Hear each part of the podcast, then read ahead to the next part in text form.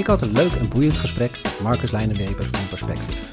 Marcus heeft Perspective opgericht in 2007 en het bedrijf werd in 2017 uitgeroepen tot marktonderzoeksbureau van het jaar.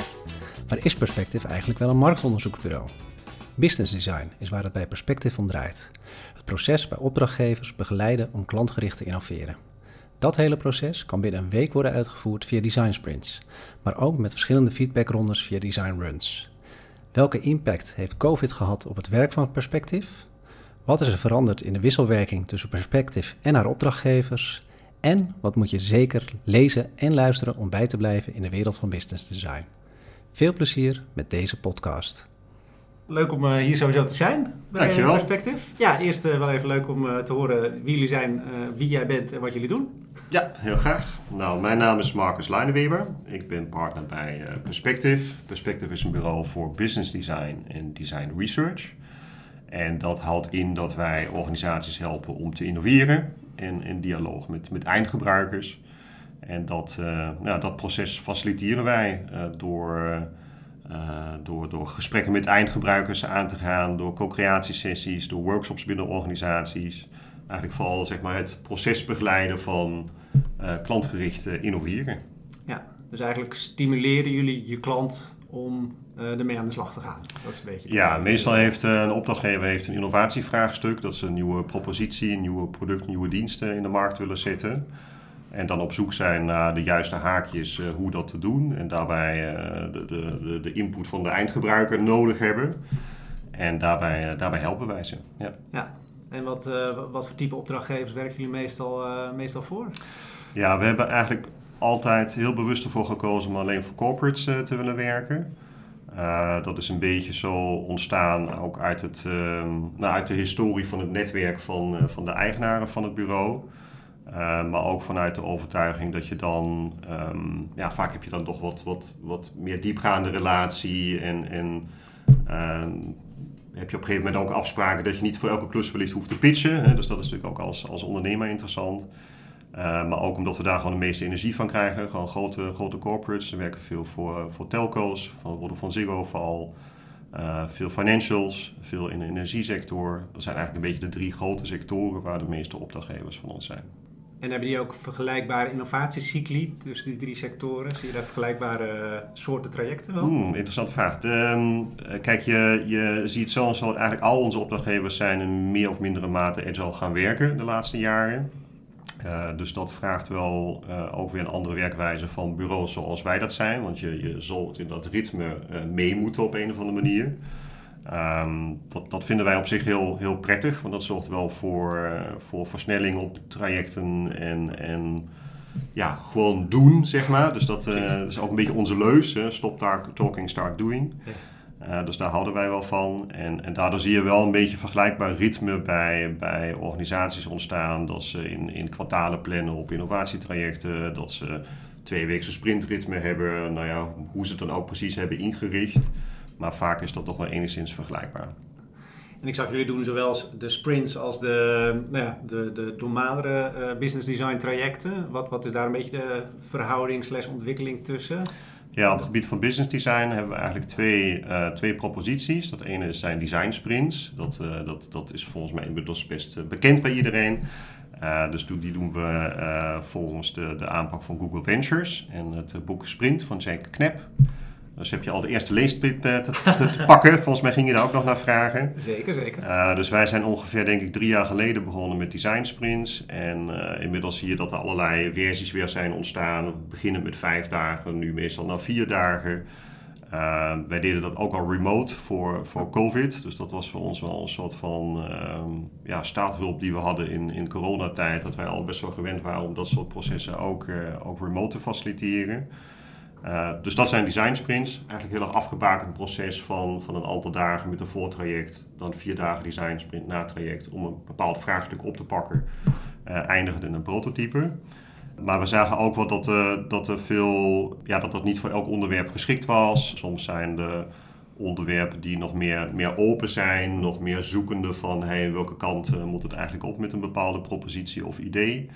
Uh, vandaar dat we op een gegeven moment de design run zijn gaan ontwikkelen. Dus je hebt design sprint, design run. Dat uh, vonden wij een leuke fonds.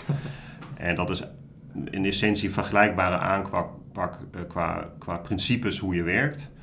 Ehm, maar dan uitgespreid over langere perioden en ook met meer iteraties. Niet alleen maar iteraties met het team op je propositie, maar ook meerdere rondes om, om eindgebruikers te betrekken. Dus dat is design sprint, design run. Dat is Ja. in, in de kern ons portfolio op het gebied van business design. En kan je ook al, eh, ik weet niet of het mag, voorbeelden noemen van eh, trajecten waar jullie een eh, rol bij hebben gespeeld? Dat je- Ja, het is natuurlijk altijd lastig wat je daarover kunt vertellen, maar zeker. Nee, kijk, wij werken veel voor, wat ik al aangaf, bijvoorbeeld een, een, een, een, een telecompartijen zoals Vodafone Ziggo. Dus die vragen ons om bijvoorbeeld bepaalde proposities in de B2B-markt van... eh, ja, nu moet ik toch een beetje opletten wat ik zeg. Eh, als het gaat om eh, wat een beetje meer in de verlengde ligt van pure connectiviteit. Hè, waar, waarin zij opschalen en onder, nieuwe onderwerpen die zij verkennen, wat zij daarop kunnen, kunnen betekenen.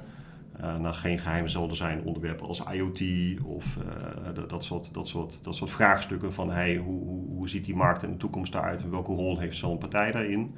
Dus dat zullen typisch vraagstukken zijn waarin we meedenken. Eh, een ander voorbeeld is wellicht vanuit eh, Eneco, die eh, heel erg bezig zijn om naast de, ja, de traditionele energiediensten ook te kijken van hey, hoe kun je nou huishoudens of ook ondernemers helpen om te verduurzamen. En daarin proposities te ontwikkelen die, ehm, ja, die, die daarin helpen, maar uiteraard voor hun ook weer ehm, eh, nieuwe, nieuwe businessmodellen openen. Hm. Want dat zijn natuurlijk allemaal een beetje industrieën waar, waar veel commodities zijn, waar bedrijven veel op ja. elkaar lijken. Dus in die zin is dat wel bijna eh, inherent aan alle partijen waarmee we werken. Dat ze allemaal kijken van hey, wat, wat zijn volgende businessmodellen, wat zijn volgende domeinen waar wij een rol in kunnen spelen om aan eh, ja, nieuwe, nieuwe inkomstenbronnen te komen. Dus er echt op eh, alert maken om door te blijven innoveren. Zeker, ja. Ja. En je zei eh, we, wat, wat is eigenlijk de samenstelling van, eh Ja, van we de zijn, organisatie? eh, we zijn een team van tien en we zijn met drie partners. Naast mij is het Richard Alker en Sabine Kroes. We hebben een, ja, we zijn best wel platte organisaties. Dus we hebben wel wat, wat functies, maar dat is best wel losjes, zou je misschien wel kunnen zeggen. Dus we hebben een aantal business designers in dienst. Dat zijn echt mensen die, die ehm, met kunnen, opdrachtgevers kunnen meedenken, echt op het gebied van businessmodellen en hoe ontwerp je die klantgericht, hè? dus human-centered innovation zou je dat kunnen zeggen. Eh, we hebben een aantal design researchers. Dat zijn eh, specialisten die eh, vooral heel goed zijn om dat dialoog met die eindgebruiker te faciliteren en daar inzichten op te halen van hey, god, wat doet het met je, wat moet je hiermee en, en hoe kan het je raken? Eh, we hebben één visual designer, dus dat is iemand die vooral eh, concepten visueel eh, kan, kan, kan tot leven kan brengen, want daar geloven we heel erg in. Hè, dingen Ja. tastbaar maken, visueel maken in plaats te blijven hangen in, in, in, in termen en woorden. Ja. En Hoe dan, gaat het bijvoorbeeld met diensten?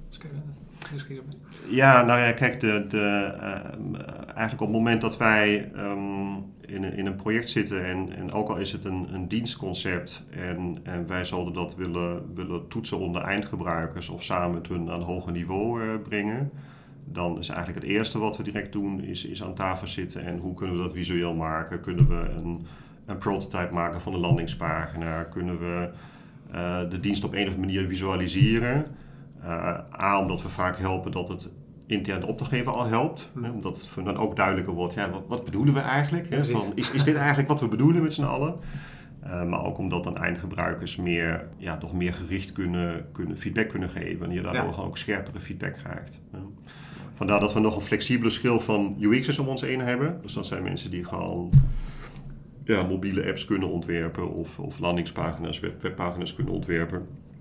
Uh, maar puur op het gebied van prototyping. Dus uh, onze, onze dienstverlening stopte eigenlijk bij een, een gevalideerd prototype, zou je kunnen zeggen. Ja, ja. En dan uiteindelijk dat vertalen in een MVP of verder doorontwikkelen.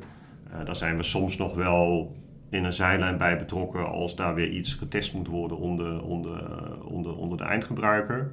Maar meestal stoppen wij bij het opleveren van een gevalideerd concept en dan vaak in de vorm van een, van een prototype. En uh, je gaf net al aan, hè, jullie zijn wel wat uh, remote gaan werken al in de periode eigenlijk voor, uh, voor COVID. Maar hoe hebben jullie ja, zeker. anderhalf jaar eigenlijk? Ja, een gek jaar was het natuurlijk, of anderhalf jaar. De, um, kijk, we hadden wel ervaring met, met remote tools, vooral Miro en, en Mural.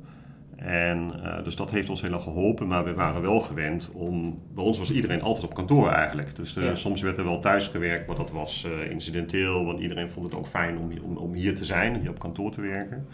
Dus in die zin was dat zeker een grote, grote stap.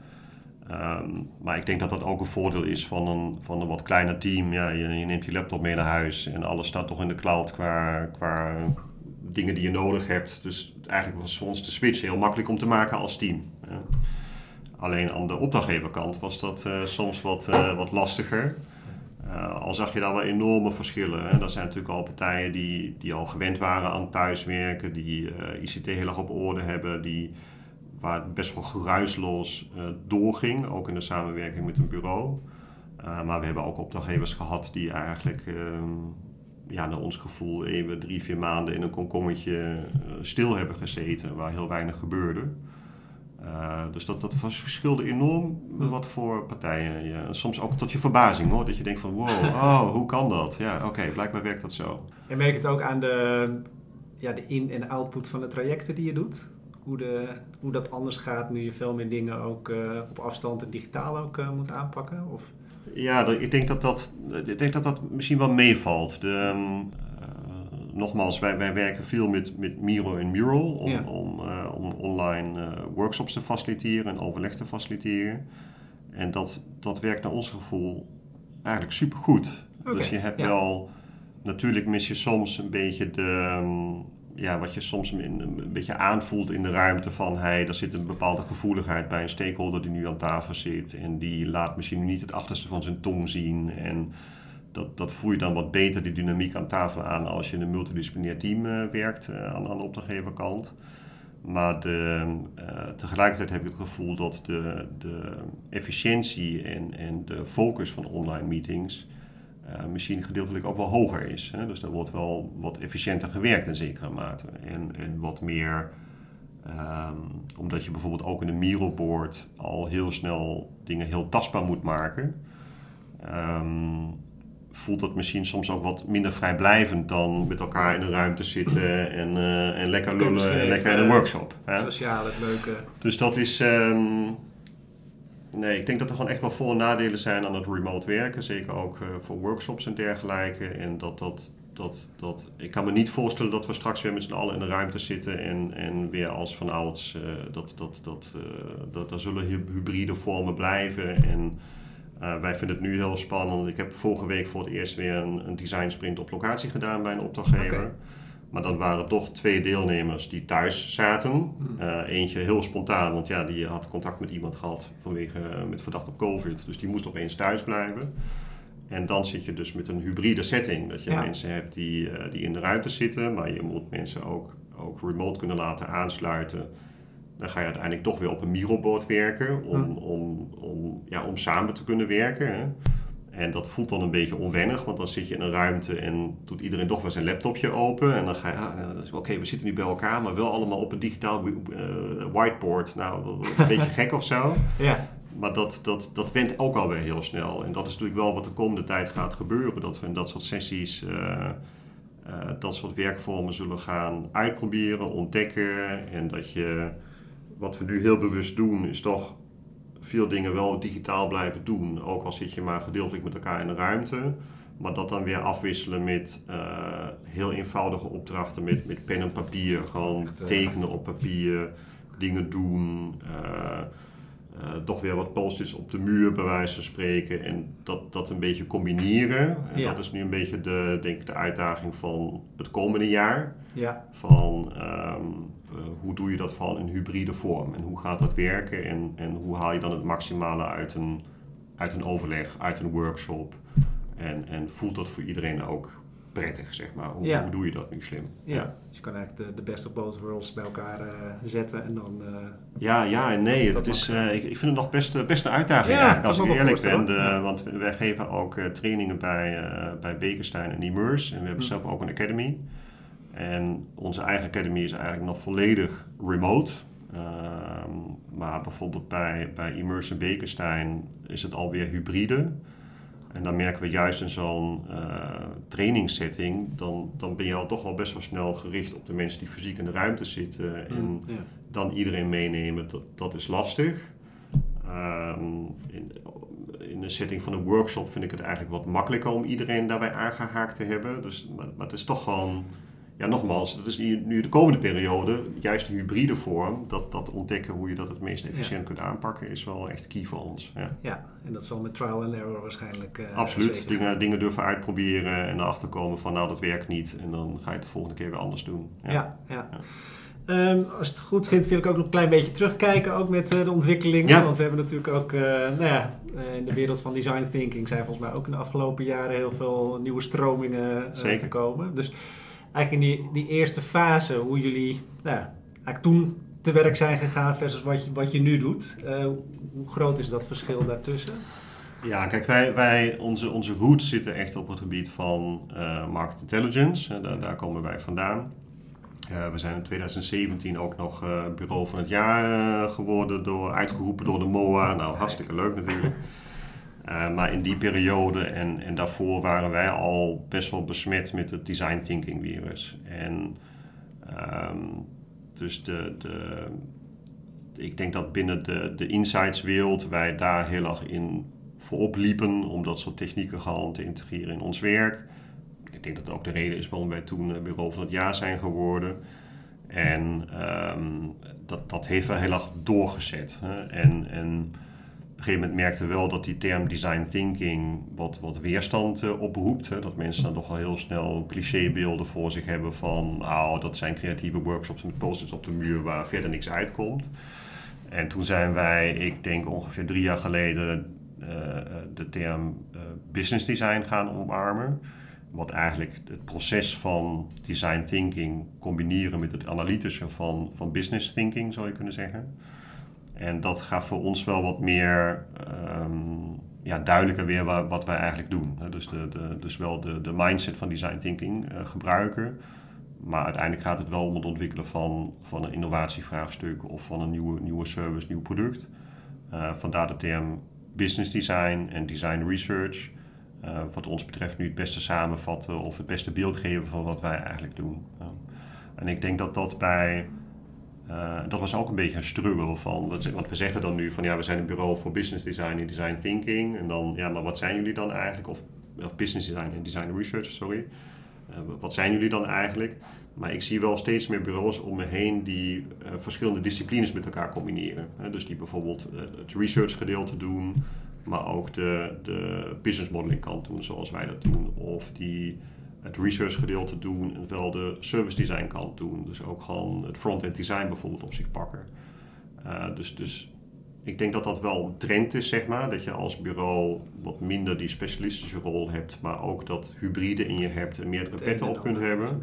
Ja. Um, eigenlijk een soort van spiegel ten opzichte van onze opdrachtgevers, waar met Agile werken, teams ook multidisciplinair zijn geworden. Ja. En, en, en mijn gevoel is dat dat aan de bureaukant ook, ook meer uh, zo, zo nu al is en nog meer gaat worden. En dat dat ook makkelijker wordt om aan te opdrachtgevers. Dat het prima is dat je verschillende petten op kunt hebben en die rollen kunt hebben.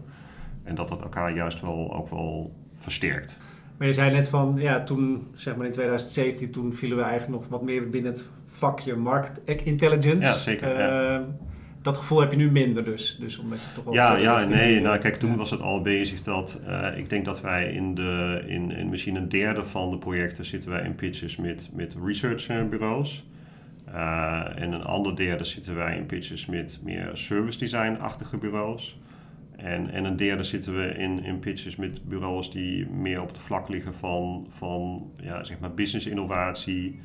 Um, dus dat, dat, dat, dat, dat, dat is heel verspreid met wie je allemaal in concurrentie bent. En dat, dat is heel grappig om ook uh, zo, zo mee te maken dat uh, de, de partijen waarmee wij uh, concurreren op opdrachten, dat, dat is de laatste jaren heel erg veranderd.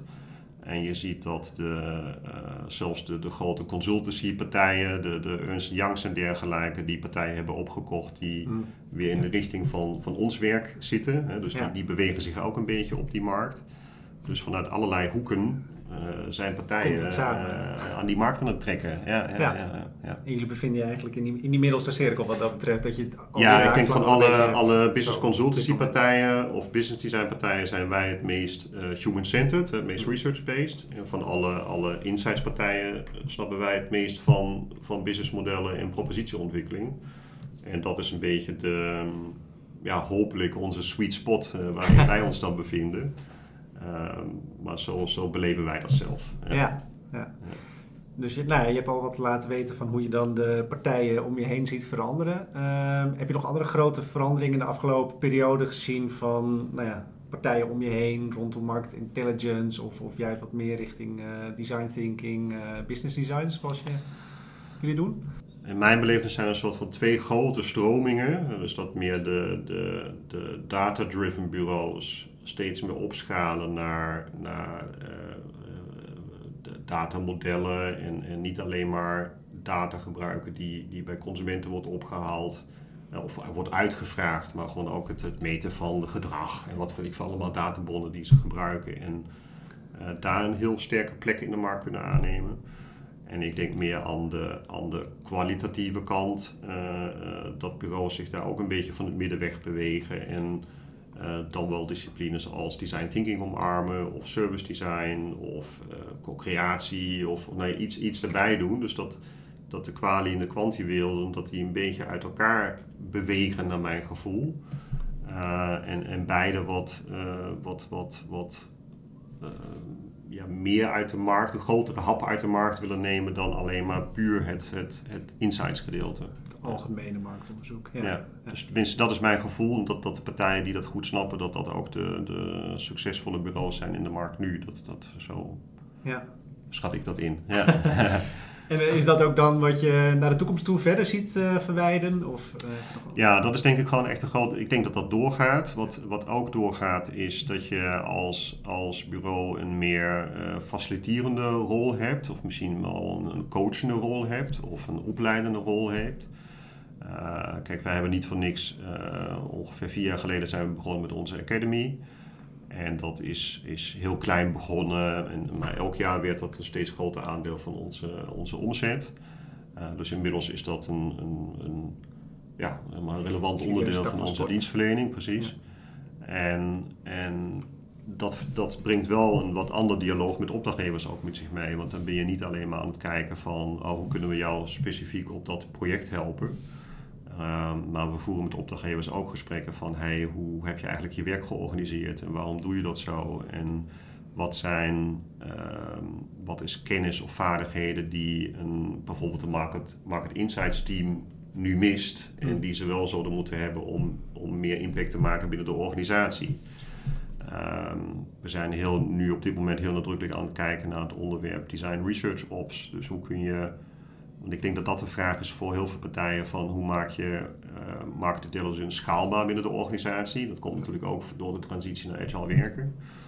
En, en stafafdelingen die of niet meer bestaan, uh, of het werk niet aankunnen, omdat ze gewoon, uh, ja, op een gegeven moment had het op. ook al ben je misschien met 6, 7 man, maar je kunt niet alles aan. En dan zie je dat bijvoorbeeld uh, design uh, hoek, dat daar gewoon een user lab wordt ingericht of dat customer experience initiatieven neemt. En ik denk dat daar wel de komende jaren toenemend behoefte is aan een, aan een ja, wij noemen dat dan design research ops. Dus gewoon een, meer een, een, een, systeem wat schaalbaar is en waar misschien vanuit market intelligence wel een, een, een, een, een ja, soort van uh, eindverantwoordelijke rol is om dat goed te organiseren binnen de organisatie. En um, dus waarmee ook de rol van zo'n afdeling gaat veranderen. Ja, Die wordt volgens mij ook minder uh, projecten begeleiden of projecten uitvoeren, maar meer een, een, een, nieuwe cultuur of een nieuwe manier van werken faciliteren binnen een organisatie. Daar is naar mijn mening zo eigenlijk, daar, daar zou je nu het meeste impact mee maken, hè? Ook, ook als afdeling intern. En dat is een vraagstuk waar wij heel graag bij willen helpen, wat wij ook spannend vinden en leuk vinden. En dat, nogmaals, dat geeft ook weer wat andere um, ja, wat, wat, wat, andere samenwerking ook in de relatie die je hebt met opdrachtgevers. Waar, waarvan ik vind dat mijn werk leuker wordt. En dat vinden mijn collega's ook. Dus, ja, dus daar ga je dan maar voor. Ja. wat je net ook zei, waarschijnlijk ook inspelend op al het agile werken van al die corporates waar jullie ook mee samenwerken. Waar je ja, een andere invulling van. Dus het schaalbaar maken van customer insights, dat is volgens mij nu de truc. En, en ook hoe dat, dat in te binden in de bedrijfscultuur en dat goed regelen. Uh, er zijn partijen die daar echt al, al heel hard natuurlijk mee bezig zijn. Maar dat, dat onderwerp dat blijft ons denk ik achtervolgen de komende twee, drie jaar om dat uh, goed te regelen in de corporates. Nou, je hebt al uh, één tip gegeven, maar uh, aan het eind vraag ik altijd van heb je nog tips om bepaalde dingen te beluisteren, te bekijken of bepaalde te volgen of te lezen? Ja, de, wat ik noemde al Sprint denk ik van Jack ja, Knap. Nou, ja, als je dat boek nog niet hebt gelezen, die moet je lezen. en in, in Sprint wordt, wordt goed uitgelegd wat een design sprint inhoudt volgens de, de Google aanpak. Maar wat ik eigenlijk nog waardevoller aan dat, aan dat bureau, aan dat uh, boek vind, is dat, uh, dat er heel veel heel praktische werkvormen uitgelegd die, uh, waar je heel veel baat aan kunt hebben als je workshops faciliteert intern. En dat heeft bij ons, dat wij zijn gaan werken met design sprints, was niet alleen maar leuk omdat je daar de opdrachten mee kunt binnenhalen, maar dat, dat heeft bij ons ook onze interne manier van werken best wel veranderd. Van hoe wij samenwerken als team. Eh, welke werkvormen wij daarin hebben.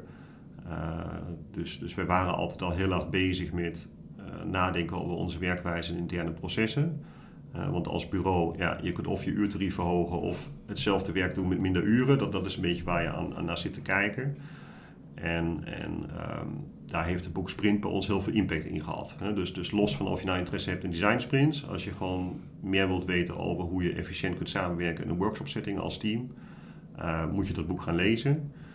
Um, een ander heel inspirerend boek vind ik The Invincible Company van, uh, van Strategizer. Nou, zoals zo eigenlijk alle Strategizer boeken moet je gewoon lezen. Maar zij zijn, nou ik denk dat het boek alweer twee, twee jaar oud is denk ik, Invincible Company. Um, waar zij naar mijn gevoel heel goed beschrijven waar business design als discipline over gaat. Namelijk het ontwerpen van, van duurzame businessmodellen naar de toekomst toe. Uh, dat is vandaar dat Invincible en ook het werken vanuit een, een, een uh, portfolio van businessmodellen en hoe je dat, dat goed kunt doen om uh, te kijken van hey, wat zijn businessmodellen waar ik nu uh, mijn, mijn inkomstenstroom uithaal en, en die ik aan het exploiten ben, zoals zij dat dan noemen. En wat zijn businessmodellen die ik ga exploren, gewoon dus nieuwe, nieuwe kansen van mijn organisatie in de toekomst. Dus die zal ik zeker doen. En dan zijn er nog heel veel leuke podcasts die je moet luisteren. Kijk, dat is altijd goed. Uh, ja, God, volgens mij is iedereen wel veel meer into podcast tegenwoordig. En de, de Design Better is een, is een, is een heel toffe, toffe podcast. Maar je hebt hier in Nederland heb je ook de uh, baanbrekende businessmodellen. Dat is van BNR. Met eh, Patrick van der Pijl is dat uh, onder andere. En uh, ja, dat vind ik ook een heel toffe podcast. Leuk om in de auto aan te zitten, gewoon luisteren. En dan krijg je even een kijkje in de keuken van, uh, van bepaalde partijen, hoe zij hun businessmodel hebben ontworpen en, en daaraan zitten te sleutelen. Klinkt goed. Ja. Ga ik zeker, Doen. zeker volgen. hey, dankjewel voor dit gesprek. Ja, te gek, dankjewel. Bedankt dat je weer luisterde. Heb je de andere podcast ook al beluisterd? Daarin gesprekken met onder andere Hans Zijlstra van Air France KLM, Robert van Ossenbrugge van de Commercial Works, Jan Zwang van Vodafone Ziggo, Marcel Vogels van Nederland 2 en Joris Huisman van Skin.